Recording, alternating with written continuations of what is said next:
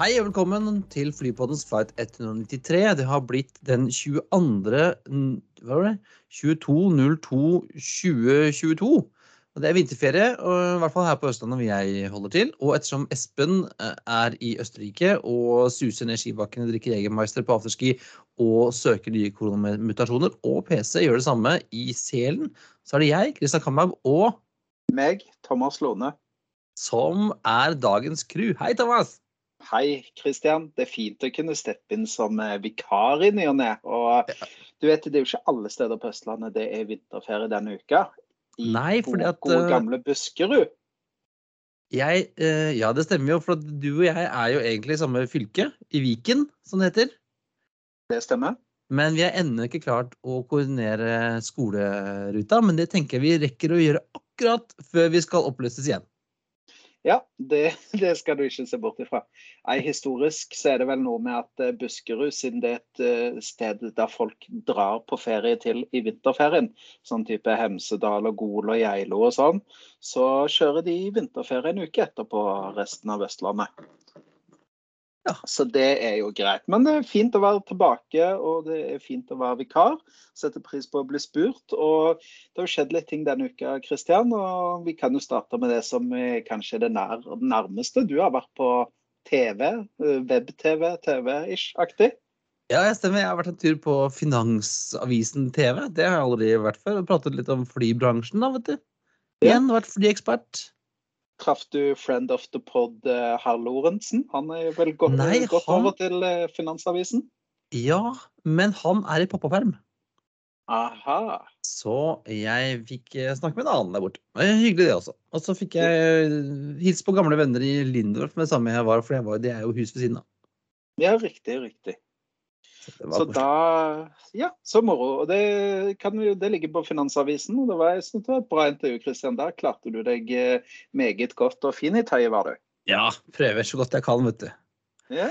Og, det. Eh, og jeg har funnet, nå som Espen er på ferie, så har jeg tatt, uh, tatt ansvar og funnet tre flighter til Thomas med et tema, faktisk. Oi, oi, oi. Jeg håper at du er uh, snill med meg denne gangen. Vi, ja, jeg tror det skal gå greit. Vi begynner med VB eh, 193. Den går kun til hav. Ja, Havanna, det er greit. Og så um, kun, Ja, det er kun altså. Cancun. Ja, det er vel Cancun. Og hvem er dette, da? Og, siden jeg ikke kjenner eh, callsignet VB, var det det? Ja, fordi med en A320 Neo, vanligvis. Eh, Jeg må, jeg må tippe et eller annet meksikansk, da. Eh, Ja, og det er ganske e- egentlig en av disse kodene som gir mening, for det er jo Viva, Viva Aerobus. VB. Ja, ja riktig. Ja, det Eh, gjør jo litt mening. Ja. Eh, Neste ja, Atakode gir ikke noe mening. Det er F9 F9 eh, 193 som går buff til kun med en A320. Ja, da regner jeg vi er i Buffalo til Cancún. Cancun. Og F9 er vel Frontier. Ja, riktig, riktig. Eh, og så kommer det en luring på slutten her.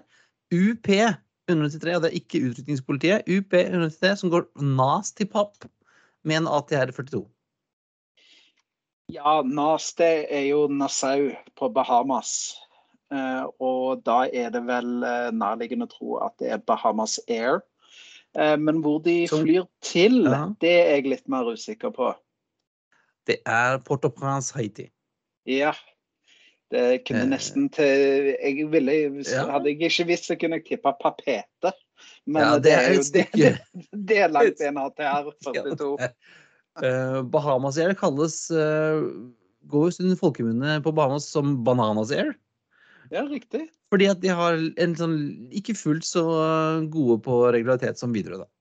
Nei, riktig. riktig. Nei, det er alle kan ikke være på toppen. Nei. og hva er da temaet her, eh, Thomas? Jeg tenker at vi beveger oss i Karibien. Det er det, vet du. Dere, du og Espen er jo så opptatt av at jeg aldri beveger meg noe særlig eh, øst for Istanbul når jeg skal på ferie. Og det er riktig, men jeg liker meg veldig godt i dette området. Har, Karibien flott. ikke, jeg har faktisk vært i Cancún uh, back in the day.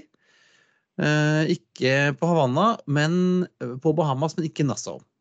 Ja, riktig. Riktig. Dessverre. Men jeg har en, jeg har en Jeg sier som Bjørn Hoel, jeg har en drøm.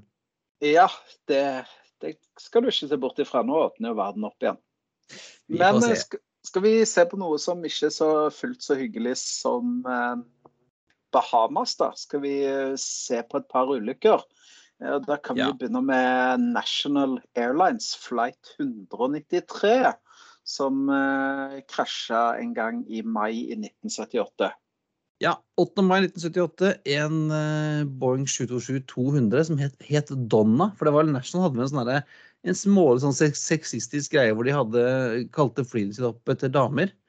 Så De hadde en sånn reklamekampanje som det bildet av den flyvertinna, så sto det Hi, I'm Donna. Come fly with me. Eller Come fly me, eller noe sånt. Det var jo ekstremt sexistisk.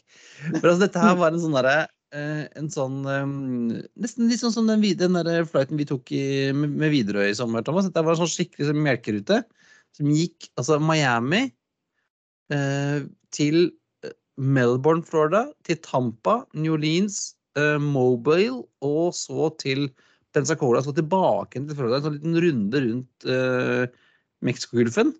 Ja, riktig. Skulle inn da og lande i Pensacola, som ligger ved, ved sjøen. Uh, men der ILS-en funka ikke. Uh, det var litt dårlig vær, og pilotene fulgte ikke med, av hva det var, men de altså klarte å lande i sjøen. Ja, riktig. Men de gikk gikk jo sånn Dårlig kontroll på høyden sin, kan du si. Ja, riktig. Men det gikk jo, eh, det gikk jo relativt bra med flyet. Jeg har jo sett et bilde når de hever det. Det var jo ganske helt. Og det var jo mm, Det var vel ikke så mange døde. Nei, det var tre uh, passasjerer som, uh, som omkom, som druknet. Uh, og um, Holder på å le litt, men det, det er altså Det lønner seg å følge med på sikkerhets, sikkerhetsgjennomgangen, Thomas. fordi at denne Altså det, det flight-segmentet fra Tampa uh, Nei, ikke Tampa, sorry. Fra Mobile til uh, Pensacola var ikke regnet som en overwater segment. Og da trengte de ikke, i hvert fall da jeg er tilbake i 78, å ta den her, å snakke noe om hva man skal gjøre hvis man lander i sjøen. Ja, riktig. Ja, For, for det vet du, det merker hvis du flyr til Oslo-Stockholm f.eks., som knapt er over noe, noe vann noe sted, så er det jo alltid det med hvor, hva skal du gjøre hvis du lander i sjøen og redningsvest og sånn. Det gjorde de ikke på dette segmentet. Så folk visste ikke helt hva de skulle gjøre, da. Eh, Hvor du skulle hente vesten og sånn. Ja, riktig. Og folk trodde de kunne bruke seteputen som flotation device. De, de funka dårlig som det. Ja, men det, jeg syns jo det er litt pussig, for Mobile og Pensacola det er nært, men begge to ligger jo ved eh, Begge to ligger ved vann, ja. Så det er jo Ja. Nei, det er litt pussig, men er på en måte over sjøen for å lande omtrent inn i Pensacola, så det er jo altså Men eh, jeg, jeg tror de slutta med det med, med, med å si hva som var over water og hva som var ikke over water. For at uh, plutselig så er det noe vann der, så må du gå et annet sted, og da kan det jo skje at du lander i sjøen uansett. ja, det er sant. Jeg tror Mongolia jeg tror det er ganske safe, da, for det. Er Ja, liksom- det er godt, det er et godt poeng. Nei, jeg tenker at eh, Det vi kan eh, dra ut av dette, er at uansett hva man gjør, så er det greit å følge med på sikkerhetsinstruksene som ble gitt før eh, takeoff. Og, og jeg har jo flydd dullion ganger, men jeg følger alltid med. og går mentalt igjennom hvor er nødutgangene, hvor sitter jeg i forhold til nødutgangen. Selv om eh, ok, to rader foran eller tre rader bak meg er det en nødutgang. Det Mest sannsynlig skjer det aldri noe, men den der mentale eksersisen som man gjør, tenker jeg er fornuftig uansett. Det var vel ukens anbefaling, Thomas. plutselig. Ja, det, det, det tror jeg. Jo, men det er sant. Altså, vi har, dette det er flere. Eller flere ulykker som viser at folk som ikke følger med, da sliter de når de når, altså Selv om du som du sier, fløyet 1000 ganger, og det er sånn derre Ja, jeg vet at jeg skal gå ut døra der, jeg vet hvordan jeg skal ta på meg beltet, men plutselig det er det stress, øh, og du ikke har øh, helt kontroll, så er det greit å ha vært gjennom den der siste Den lille en gang, en gang til. Det er det.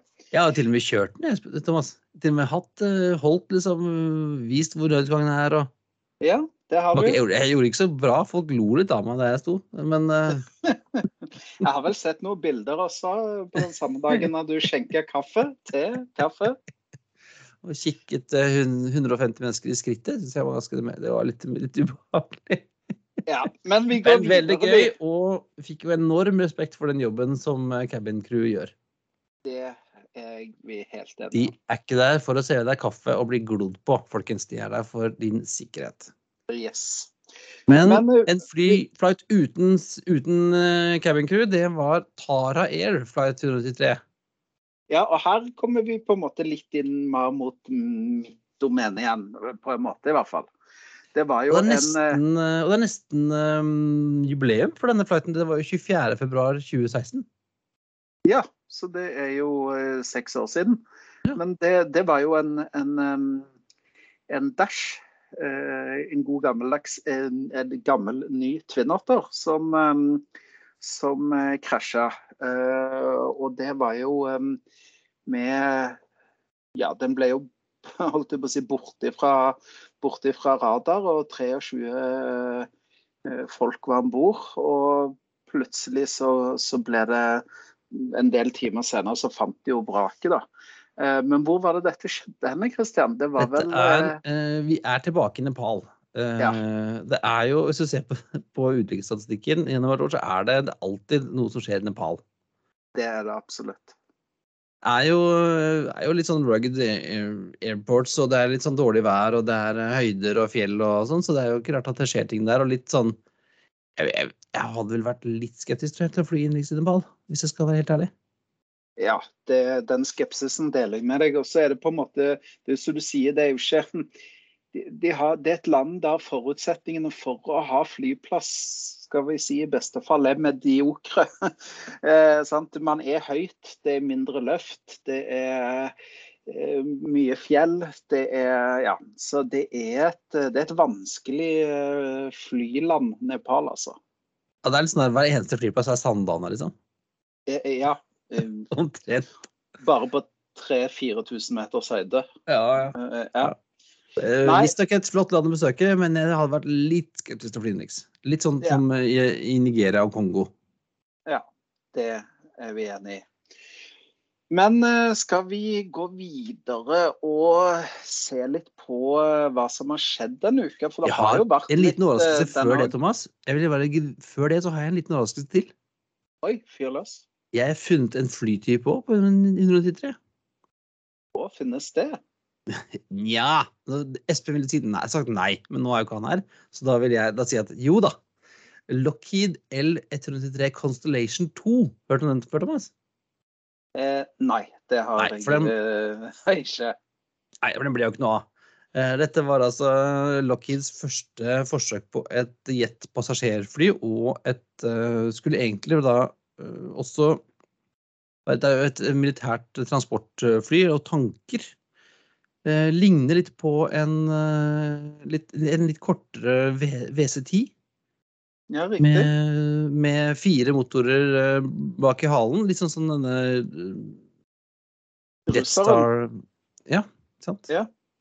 Eh, Men var, altså var på tegnebrettet tilbake i 49-50 rundt der. Skulle, hadde egentlig vunnet kontrakten med amerikanske forsvaret for å lage en tankfly eh, over Boeings eh, KC-135 Stratotanker.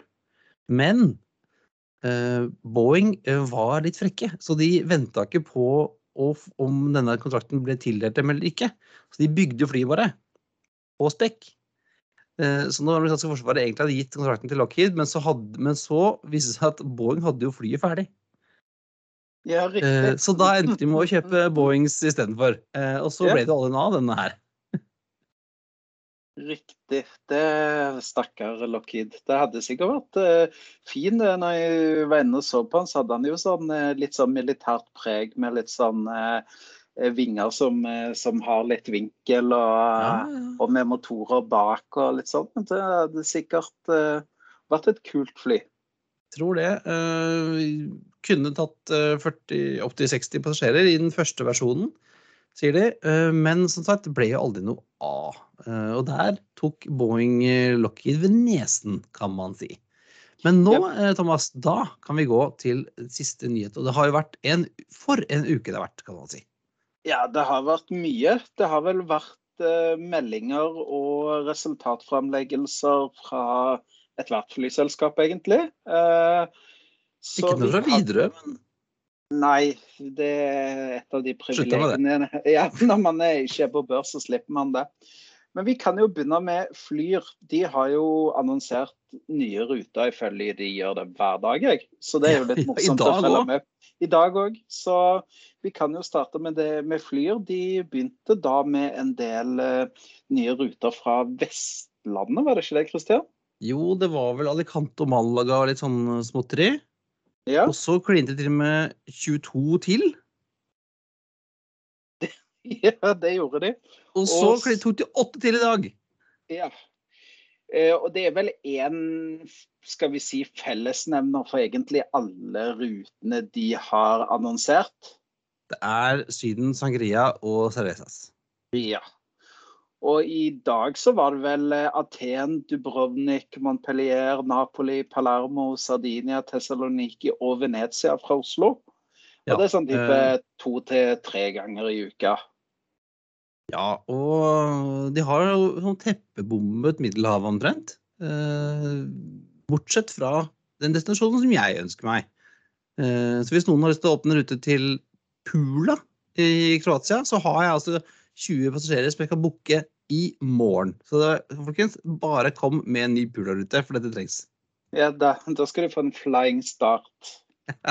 Jeg har et håndballag jeg skal sende, sende til eh, Kroatia, så kom igjen, folkens. Ja. Eh, og, og det, altså det er jo uh, Samtidig så la, la de også da ut kom de med, med Q4-resultatet, som var forventet uh, i rimelig rødt. Det var jo 190 millioner ca. i minus. Det var vel som forventa, egentlig. Ja, de fortsetter jo å brenne 50-60 mill. i måneden, som de alltid har, som de alltid har gjort. på en måte. Ja. Det gjør det, ja.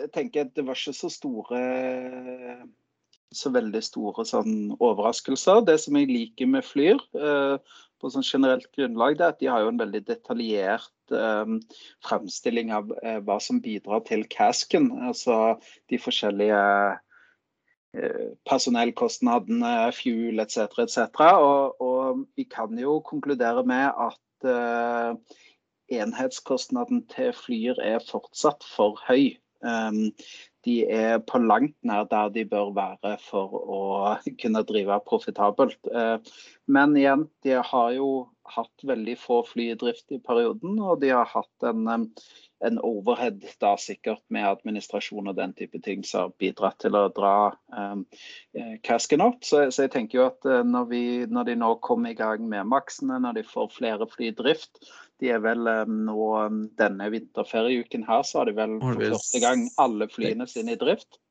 Det er vel seks stykker? Ja, så, så tenker jeg at den kommer naturlig til å gå nedover, men den må betydelig nedover hvis, eh, hvis de skal tjene penger. Så det blir jo veldig spennende å, å følge med på. Ja, selv om jeg tror ikke at kost, Det er jo ikke kostnaden deres som er det verste problemet. Største problemet er jo inntektssiden. Altså, de har jo en ekstremt lav yield, samtidig som de har veldig lav kaminfaktor.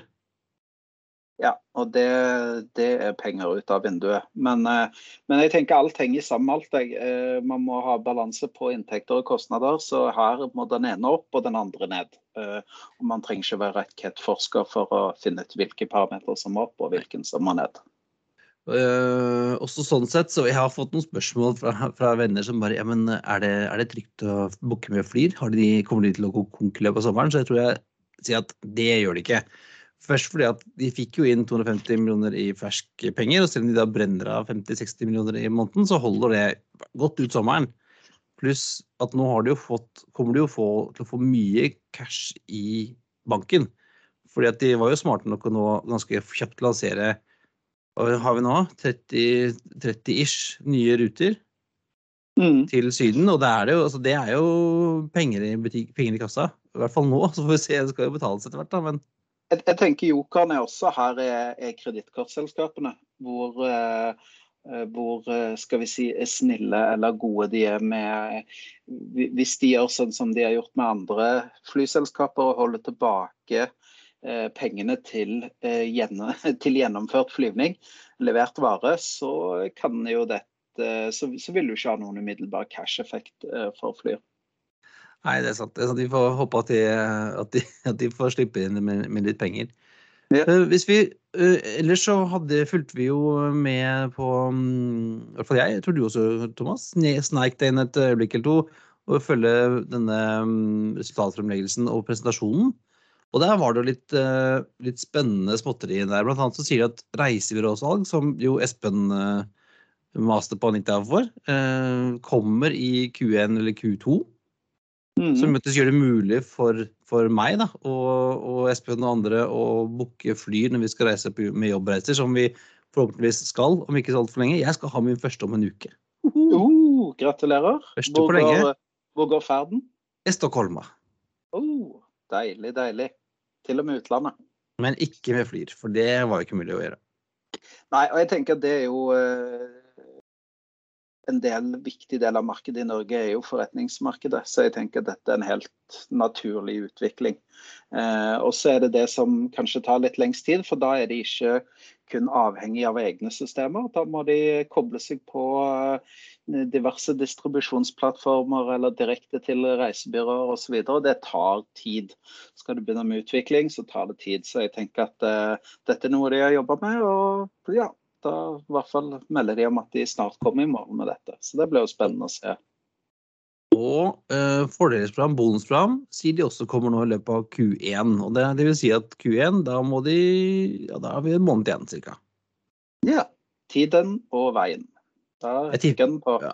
Og det burde jo Altså, man kan jo gjøre noe så enkelt som uh, type Nesten som sånn eh, kaffekort. Altså har du én flight, uh, ti flighter, får du en ny en gratis flight.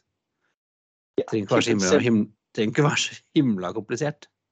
Nei, og det, det, det tenker jeg jo litt at uh, sånn uh, en egen betraktning der jeg, jeg tror at tiden for disse kompliserte lojalitetsprogrammene innenfor flybransjen, den, den tiden der er over. Uh, jeg tror at hvis man skal henvende seg til eh, kalle det store massene av folk, sånn som flyr eh, skal, så tenker jeg at eh, hold det enkelt. Eh, noe som folk forstår, så, så er det noe de kommer til å vinne på. Så det blir veldig spennende å se hva de, hva de legger fram for et uh, type fordelsprogram der.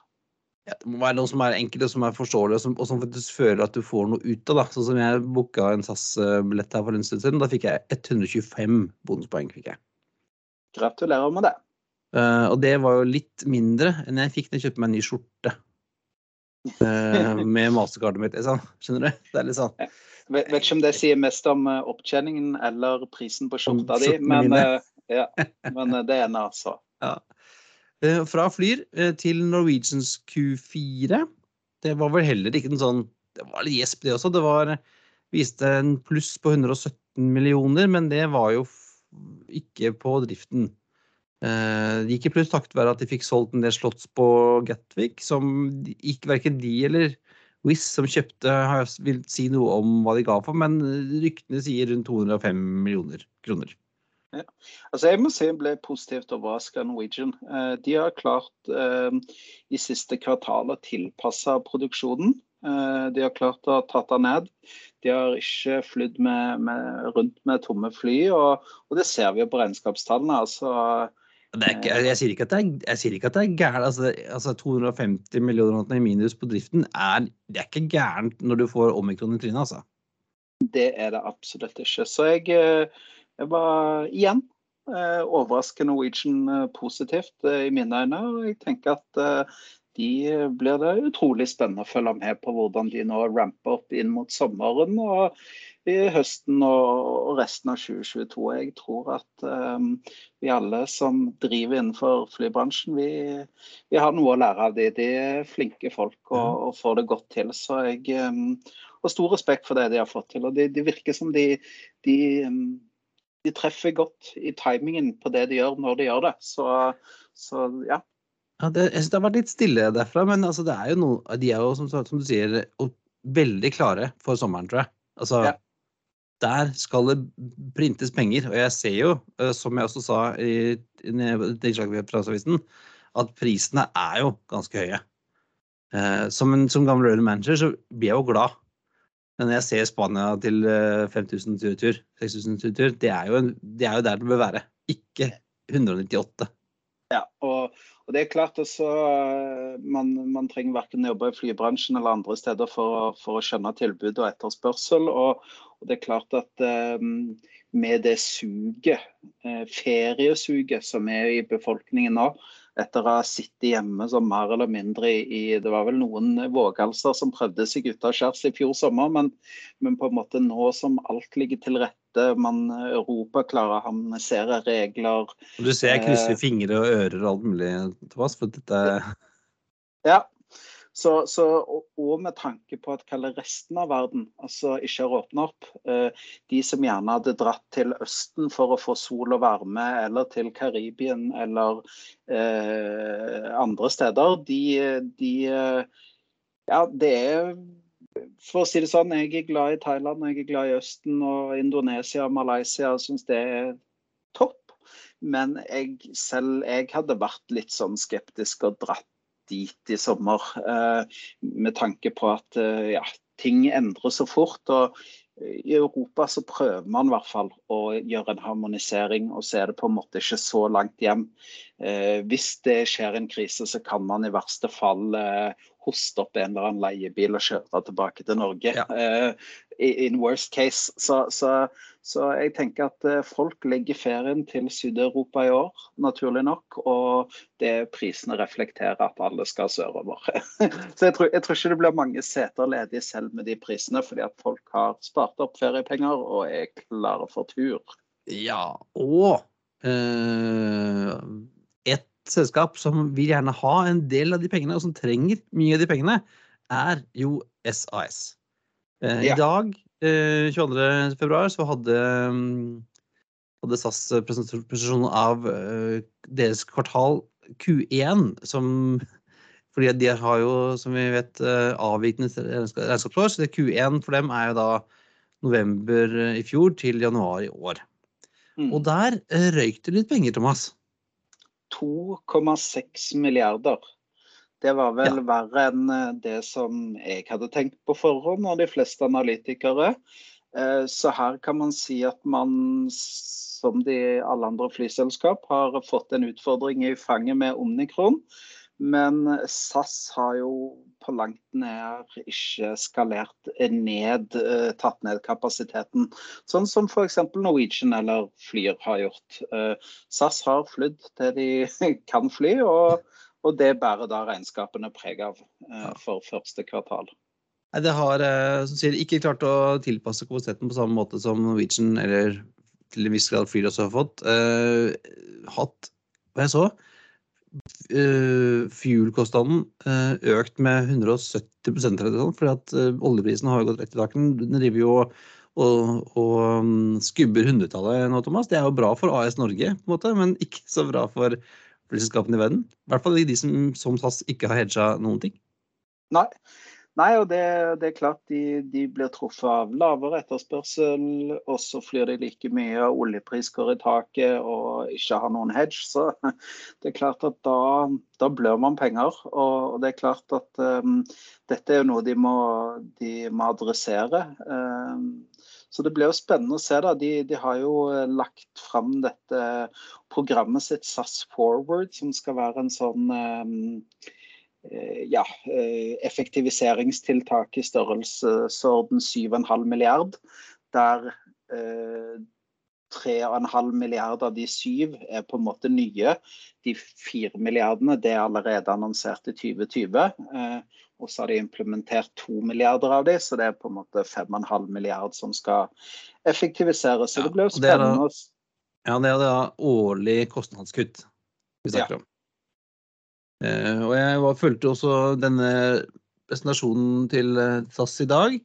De sier at disse, disse, disse kuttene skal eh, skje i løpet av fem år. Med hovedsaken de tre, neste tre årene skal det kuttes da mye. Og mye av det vil være på drift, selvfølgelig. En del av det vil være på finans.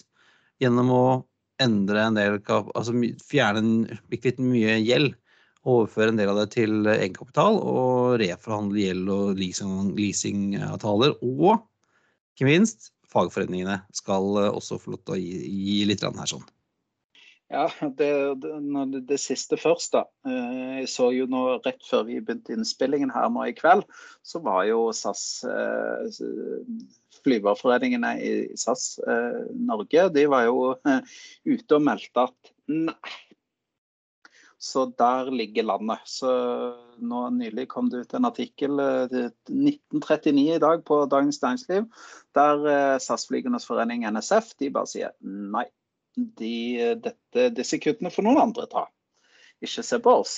Så det ligger, ligger litt klima og føringer, og vi vet jo at det er kollektivavtaler som skal forhandles i vår og litt sånn, så ja.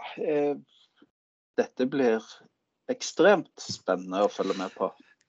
Ja, det føles jo litt som vi er tilbake i 2012, og det var liksom kniven på strupen uh, da. Jeg føler at vi er litt der igjen, altså.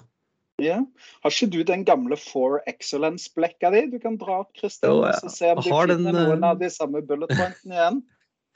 Ja, for det var jo mye, var mye, mye spekulasjoner foran dagens statsfremleggelse. Uh, fordi at den ble skjøvet litt fram i tid. Eh, og mye sånn ja, går, går de konk nå, eller skal Lufthansa kjøpe bonus, skal de liksom legge ned? altså men det var jo da nok et spareprogram. Jeg husker vi når jeg jobba i SAS, så vurderte vi å kjøpe, lagde sånne T-skjorter hvor det sto 'Jeg overlevde', og så navnet på alle disse spareprogrammene vi har vært gjennom. Det var jo noen ja. gjennom tidene. Um, og jeg, jeg, er nesten sånn herre Fins det mer kostnader å kutte i den sjappa der? Uh, tydeligvis fins det det. Uh, så skal det kuttes mer. Og jeg så jo det som, det som jeg bet meg litt merke i, Thomas, det at uh, han Anko snakker jo om at um, i framtidens nye SAS Forward da, så skal produksjonen skje i tre enheter. Det er altså det i SAS, SAS uh, Scandinavian, som jo er morselskapet. Og så er det i SAS uh, Connect, og så er det SAS Link. Mm. Uh, og i stadig mindre grad sier han de vil bruke mindre ekstern wetlease. Ja, så X-Fly og Cityhet eh, ja. blir mer og mer fasa ut. Og sånn sett er jo det en bra ting for, jeg tro, en bra ting for foreningene, og at man da blir ansatt i i hvert fall i konsernet, da, istedenfor at man eh, går til eksterne som, eh, som har et helt annet eh, regime. Ja, det, men ja. Det, det, det, var fag, det tror jeg gjerne ikke at foreningene er enig med deg, men uh, vi får se. Uh, det som jeg syns var litt på kort sikt betryggende, er jo det at uh, SAS avfeide jo alt. De har ingen likviditetskrise. Eh, de har, det var jo noen som forskutterte ja, men kanskje SAS er insolvent, har ikke penger til å betale regningen sin osv. Ja, det blir ganske tydelig på, at de har mye penger på bok. Ja, og, og, og, selv med det store underskuddet i køen, så um, gikk det jo bare én milliard i gåsetegn av, uh, av, kontantbeholdningen. Så det gikk jo fra sånn 4,3 milliarder i cash og ned til 3,4 milliarder. Så, så heldigvis uh, så er vi ikke i fare for at uh, vi må se at kapteinene til SAS må begynne å dra fram sjekkhefter for å betale fuel på utestasjoner og den type ting. Det er ikke der vi er. Eh, så, så, um, så, det syns jeg var en betryggende, betryggende um, melding å få. da, At det er ikke noe um, ja. Ja. det er ikke mangel på kontanter, men det er på kort sikt i hvert fall. Men det er klart man, det er jo begrensa hvor lenge man kan drive med disse underskuddene med, med så relativt lite kontanter i banken, da, med tanke på den gjeldsgraden man har. Så det blir spennende å følge med på. jeg også Kalle, for en bransje. hørte jeg også Kalle Sandlund påpekte at de hadde solgt ganske mye billetter for sommeren. Og der ja. gjennom også fått inn en god del cash. Men så, så, så, så sier jo også Anko at det, de har jo en kapitalstruktur som som ikke, er bærekraftig på lang sikt. Så her eh, han var tydelig på at vi her må det inn med mer penger. Eh, og det du allerede snakker med de største eierne, dvs. Si svenske og danske staten, Uh, og jeg, jeg, tolket det sånn at han hadde fått, i hvert fall ikke fått tommel ned fra disse. Nei. Nei det, de har vel varsla på en en mer detaljert gjennomgang av dette SAS Forward-programmet i april. Så da får vi se hva de har brukt deler av februar og mars til, og hvor de står i april. Så det blir jo, ble jo interessant å, å følge med på. En ting som de også nevnte, er at de kommer med flere regionale baser, sånn som denne Bergensbasen som eh, de har opprettet med, med Link. Jeg husker Mm. aldri hva som var Link og hva som Connect. Det er Link. Li- Link er de små. Emrane, ja. Ja. ja. de, Eh, det, og ryktene Ja. sier jo at Göteborg også kommer for en base. Ja, og det, det, da tenker jeg det gir jo mening i forhold til hvis de skal fase mer ut eh, denne ACMI-innleien, altså City etter X-Fly, eh, så må det jo eh, City etter jo f.eks. mye på Bergen, og da må de jo bytte ut det da f.eks. med Link. Så, så vi får se. Og det de snakker om som en, eh, en, en, en, en, sånn å, hva, var det de kalte det de sa for noe? De sa at de skulle ja, øh, altså operating platform De skulle endre, vel, endre radikalt på nettverksmodellen sin, sier de. Yeah, yeah. Og det lukter for meg mindre øh, København-hub og mer regionale ruter. Og når da samtidig sier at de må vri mer over, over til leisure og, og, og ferie- og fritidstrafikken, så gir det også mening for at i en businessverden hvor man skal ha hyppige, og, hyppige avganger, så er det smart med hub and spoke. Men hvis Mm. det ikke er viktig, så er basene smart. For da kan du fly da fra Bergen til vet ikke jeg hva sier jeg, Roma to ganger i uka istedenfor å connecte via København til eh, Roma tre ganger om dagen. liksom. Så da kan det jo være at vi får se Bergen til Ponta Delgada på Azorene. For eksempel. ja, ja, men, ja, for det er, altså, det er jo mulig at de gjør sånne, sånne one-offs. da. Mm. For Da kan du fly en, en gang uka dit, en gang uka dit. Det er jo sånn som Norwegian gjorde i starten. Så, så Ja, flyr gjør og flyr gjør litt nå. Så det slår meg. Alle vil være Norwegian anno 2009. ja. ja, det var fordi jeg før de gikk på trynet ordentlig. Ja, ja alle, alle vil være Norwegian anno 2009. Så det, det blir litt pussig, ja, Selv Norwegian vil være et Norwegian 2009. nettopp. Men var det noe annet du bet deg merke til eh, med i dagens presentasjon, Thomas? Nei, det var vel heller det som jeg ikke bet meg merke i. Altså, syns de var lite konkrete i SAS Forward. De, de nevnte jo på en måte disse seks bolkene som de skulle jobbe med, og effektivisere inn og sånn. Men det er jo kanskje begrensa hvor langt de har kommet. Men det, det, var liksom lite konkrete tiltak, da. Det var alle må bidra, alle interessenter, alle stakeholders må skride i loopen her.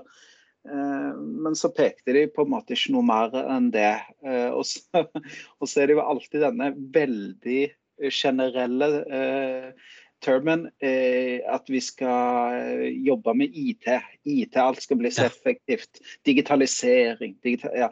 Så Så det, det var masse sånn høytflyvende, lite konkret. Eh, Det er på en måte det jeg sitter igjen med. Men vi får se i april hva de kommer med da, og så får vi heller snakkes igjen da.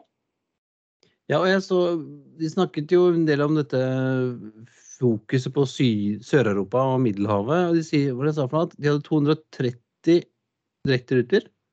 500 ukentlige flighter Ja. til Middelhavet. Ja, det, de gønner på der.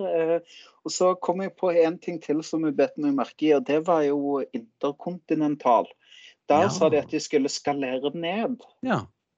Ta ned den interkontinentale produksjonen.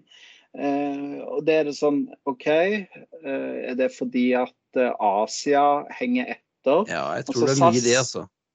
SAS fløy jo til Shanghai, til Beijing og til Tokyo før Hong pandemien. Og Hongkong, ja.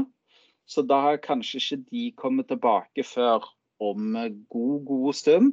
Så da skal de kanskje fokusere mer på USA. Har de da behov for sine kall det litt eldre A330-er? Jeg tenker Hvis de hadde skrota hele A330-flåten eh, og bare vært på A350, så vil jo det gi en god eh, besparelse med tanke på en flytype mindre i flåten. Eh, ja, så, så det er en del Ja, og- sånne ting som der som, som jeg tenker også mm, ja, Skulle jeg tippe, så ryker kanskje A330-maskinen. Ja, det, det, tenker jeg også. Nettopp av samme grunn. For at de nevnte jo spesielt Asia, at den trafikken er jo ikke tilbake. Jeg synes, jeg sa IATA sa at Asia-trafikken var sånn 7 var tilbake. Ja, det er i hvert fall veldig lavt. Ja. Eh, og så skal jo SAS eh, Det sto jo på denne flåteplanen som jeg klarte å se ganske kjapt. Eh, to A350 skal jo inn i 2024. Ja, det stemmer. Så kvitte seg med 330-ene nå, og så har den litt mindre flåte, mens Asia ligger nede, og så kunne rampe opp igjen da i 2024. Det gir mening, altså. Ja, og så tenker jeg også Asia er langt unna. Eh, det drar eh, kostnader, crew altså Man får ikke en rundtur på 24 timer. Sant? Man er avhengig av flere fly for å serve flere destinasjoner. Eh, øke kompleksitet og den type ting. Mens USA, østkysten, Toronto, som de har lansert rute til, det er jo alle destinasjoner der du på en måte klarer en rundtur innenfor 24 timer. Sant? Så da kan man fly ut, ha crew en natt på hotell, fly tilbake igjen. og så, eh, så ja, Logistikken er mye enklere da på USA, og spesielt på østkysten. Eh, ja, så, så, selv LA får du vel til på eh, et døgn nå? Ja, du gjør kanskje det. Jeg tror du får det, tror jeg. Ja, det, det, er vel en ti timers flytid. Så 20 timer, og så med en to timers turnaround, ja klarer kanskje det. Klare det. Ja, klare det, altså. Ja, så, så ja, kanskje bare kanskje SAS sier ja, men finner dere får ha seg, da. Så la oss ta andre veien. Ja. Um, og så slipper man å konkurrere med, med selskapene nede i Gulfen. Ja, ja, det er håpløst. Så ja, vi får se. Det, ja, jeg, bare... så, så, altså, vet Thomas, jeg driter jo av Asia uansett, så Ja. Vi sitter jo bare her og spekulerer, men, men jeg tenker det gir mening, da. At eh, ja. de bare legger Østen litt brakk en stund, og så fokuserer man på eh, vestover. Og så kan man kanskje da kvitte seg med noen litt eldre maskiner som drar masse kostnader med å ha en ekstra flytype. Og ikke minst så, så skårer du også høyt på det, sjette poenget, nemlig sustainability. For da sparer du ganske mye fuel kontra en, en 330. Nettopp. Ja. Det er bra. Og alle skjønte jeg skal vekk. Ja, innen 20 innen i år. Ja. Så jeg tror ute på høsten så er det bare 320 igjen. Da må vi Eller Airbus-maskiner. Da må vi vel ha en sånn avskjeds 737-flight, vi da? Det hadde vært gøy. Men skal vi eh, fast forward forbi SAS Forward og hoppe til noe helt annet? Brannslukningsfly, for eksempel. ja. Vi har jo snakket om brannslukningsfly for BQ400 tidligere, Thomas, og det kunne vært en fin uh, for videre. og kunne, Du kunne brukt den til frakt uh, når det ikke brenner, så kunne vi dumpe vann fra når det brenner. Ja, for Det er en sånn oppblåsbar tank som du kan sette inn og ta ut der i, i, uh, i Q400. Det er det. I, tillegg til de som er på utsida som får den til å se ut som en akusma, liksom? Ja, ja, det stemmer. stemmer. Men nå er det altså ST Airspace i Singapore som skal uh, konvertere 757 til brannslukningsfly. Og det har jeg ikke sett før. Ikke jeg heller. Det tror jeg er helt nytt. Og det er det som moro med 757. Ble slutta produsert i hva var det, 2004. Men det flyr jo verden over. Både som passasjerfly er det populært fortsatt. Eh, det er populært som fraktere. Og de finner nye bruksområder nå også som brannfly. Så det er liksom Hvorfor slutta Boeing med denne maskinen her? Alle vil jo ha den. Ingen har pensjonert 757. Ja. Ikke sant?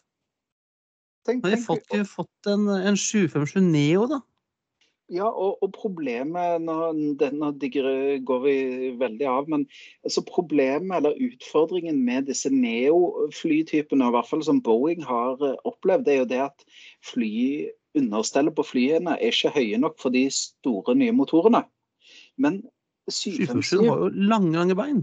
Oh yes! Så der hadde du kunnet smekke på noen flotte motorer, og så hadde du hatt eh, 757 eh, Max eller Neo eller hva du ønsker å kalle det. Så jeg skjønner, eh, ja, jeg skjønner ikke Boeing. Altså, dette er en maskin som jeg er sikker på at uh, flyselskapene gråter når de må pensjonere disse. her. Det må jo være både moneymakers og veldig uh, ja, eh, til å stole på sånn driftsmessig, for de går og går og går og går. og går, altså. Hørte en, eh, en som omtalte 747 som 'The Lady of the Sky'. Altså ikke The Queen, men The Lady. Og vet du hvorfor? Yeah. Nei? Han sa eh, lang, lang og slank, lange bein and two big ones. Yes. Og, og det er jo også, de 757 har jo også kallenavnet The Rocket. Eh, Spesielt 200, eh, fordi at han er, utrolig overpowered i forhold, til, eh, i forhold til sin vekt.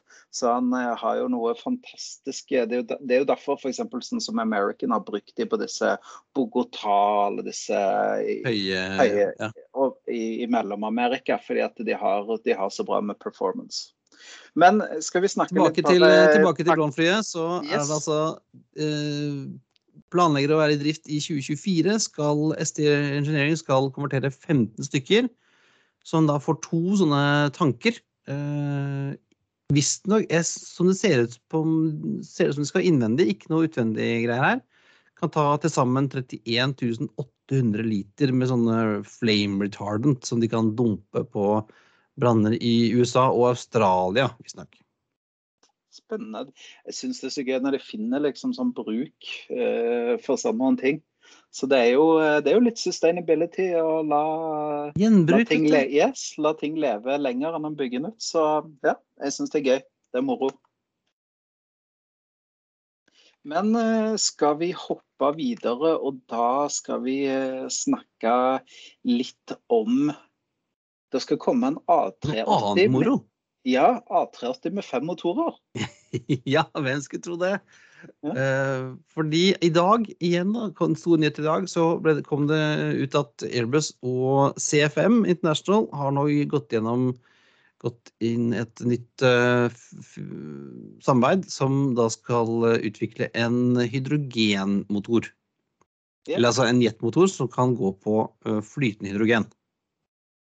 Spennende. Eh, har en plan om å få det første flyet i drift i 2035. Og skal nå bruke en, eh, en modifisert eh, A380 eh, med sier det, fem motorer. En femte motor skal liksom ligge ut fra flykroppen helt bak. Ja, Omtrent der hvor jeg satt når jeg fløy med Lufthansas eh, 380 til Tokyo. Satt jeg omtrent bak der hvor den skal henge. Ja, så det er litt, det er litt bak eh, før man kommer til, eh, til eh, halepartiet, så skal han henge ut der på en sånn Ja. skal de da også da ha mm, hydrogentanken tipper sikkert inni der. Og grunnen til at den skal være så høyt oppe og ikke henge under vingene, er at det skal være lettere å kunne måle utslipp og performance på denne, sånn at det ikke liksom blir, kommer i konflikt med de fire andre som skal gå på vanlig kerosen. da. Mm. Og det er jo ikke første gang det har blitt gjort. Hvis, hvis noen av lytterne våre f.eks. søker på Boeing 747 Engine Testbed på Google og, og får opp bilder, så, så har man jo f.eks. Rolls-Royce og Pratt Whitney har vel hver sin 747 som de har montert en sånn stang ut ifra anetasjen. Ja, den ser ganske rart ut, ja. Og en og tester motorer der.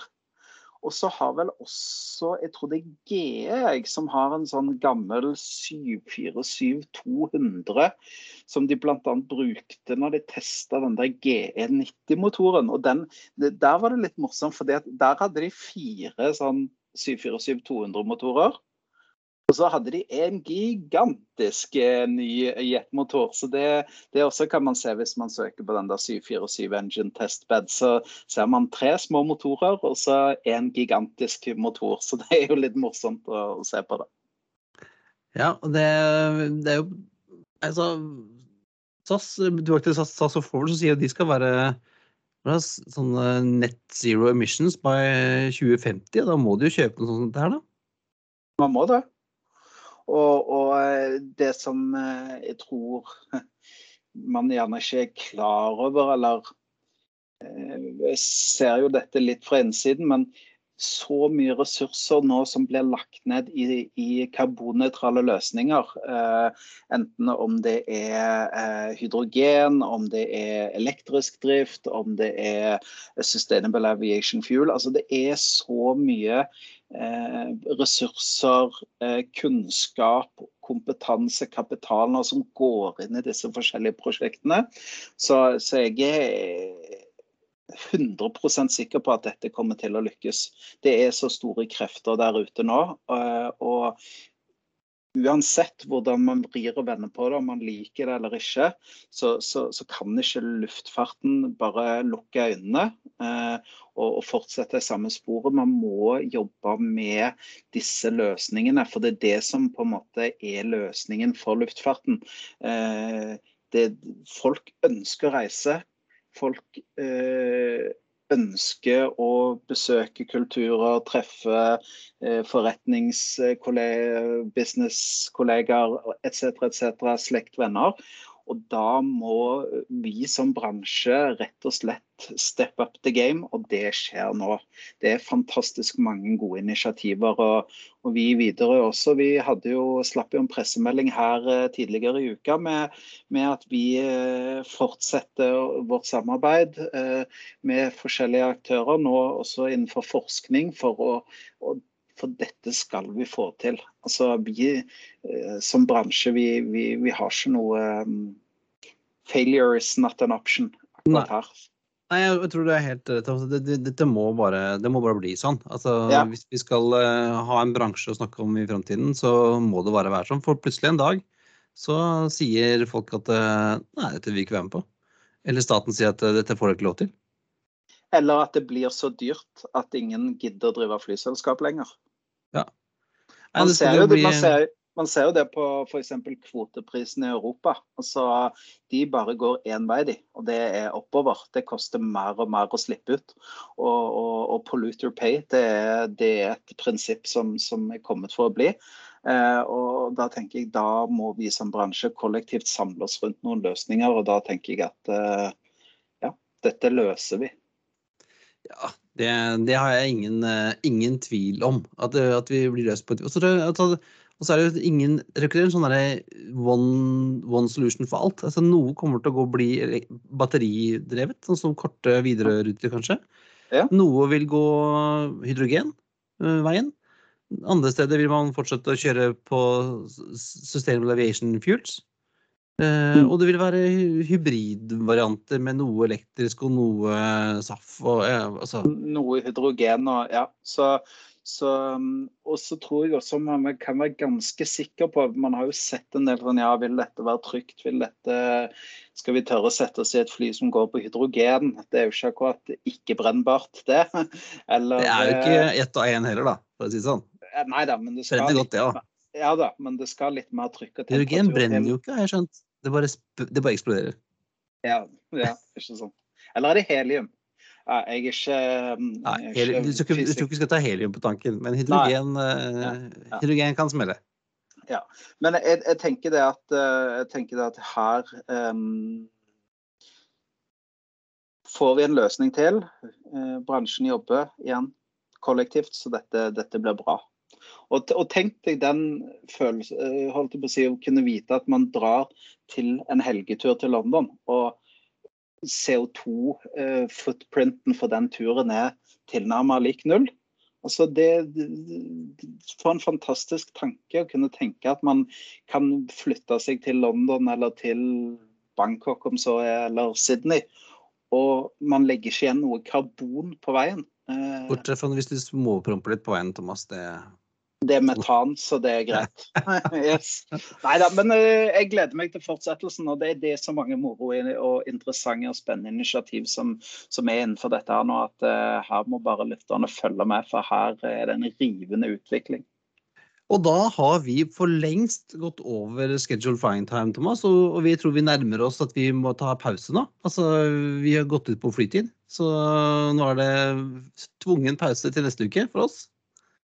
Det er det. Du vet, når man eh, ikke er så ofte i en eh, podkaststudio, så har man så mye å snakke om, vet du. og det har vært en, en eh, spennende uke med veldig mye nytt. Så vi får se om vi har noe å prate om når Espen er tilbake igjen fra, fra Alpene. Det får vi. Men da gleder jeg meg til å si at uh, dette var alt for denne gang. Uh, det er på tide å feste sikkerhetsbeltene, rette opp setet og sikre at man har fri sikt ut av vinduet, ettersom flight 193 går an for landing. Som vanlig finner du linker til det vi har snakket om i dag på flypodden.no. Du finner oss på Facebook, du finner oss på Twitter, Instagram og Har Link du til noe. spørs- Link til noe? Har du spørsmål, ønsker du å invitere Christian Espen på en flytur, eller vil du sponse dem, så er det bare å sende en mail til hallo alfakrøllflypodden.no. Og det har vært en og, glede å være med i dag. Og hvis vi snakket, For en stund snakket vi om en eh, liten tur til Røst. Hvordan, eh, hvordan ligger vi an der? Jo, det, i løpet av denne uken her kommer endelig program, så det er bare å følge med på flyprat.no. Supert. Da sier vi ha, Ha det- det Det bra. We thank you for flying with us today. We truly appreciate your business and look forward to serving you on a future flight.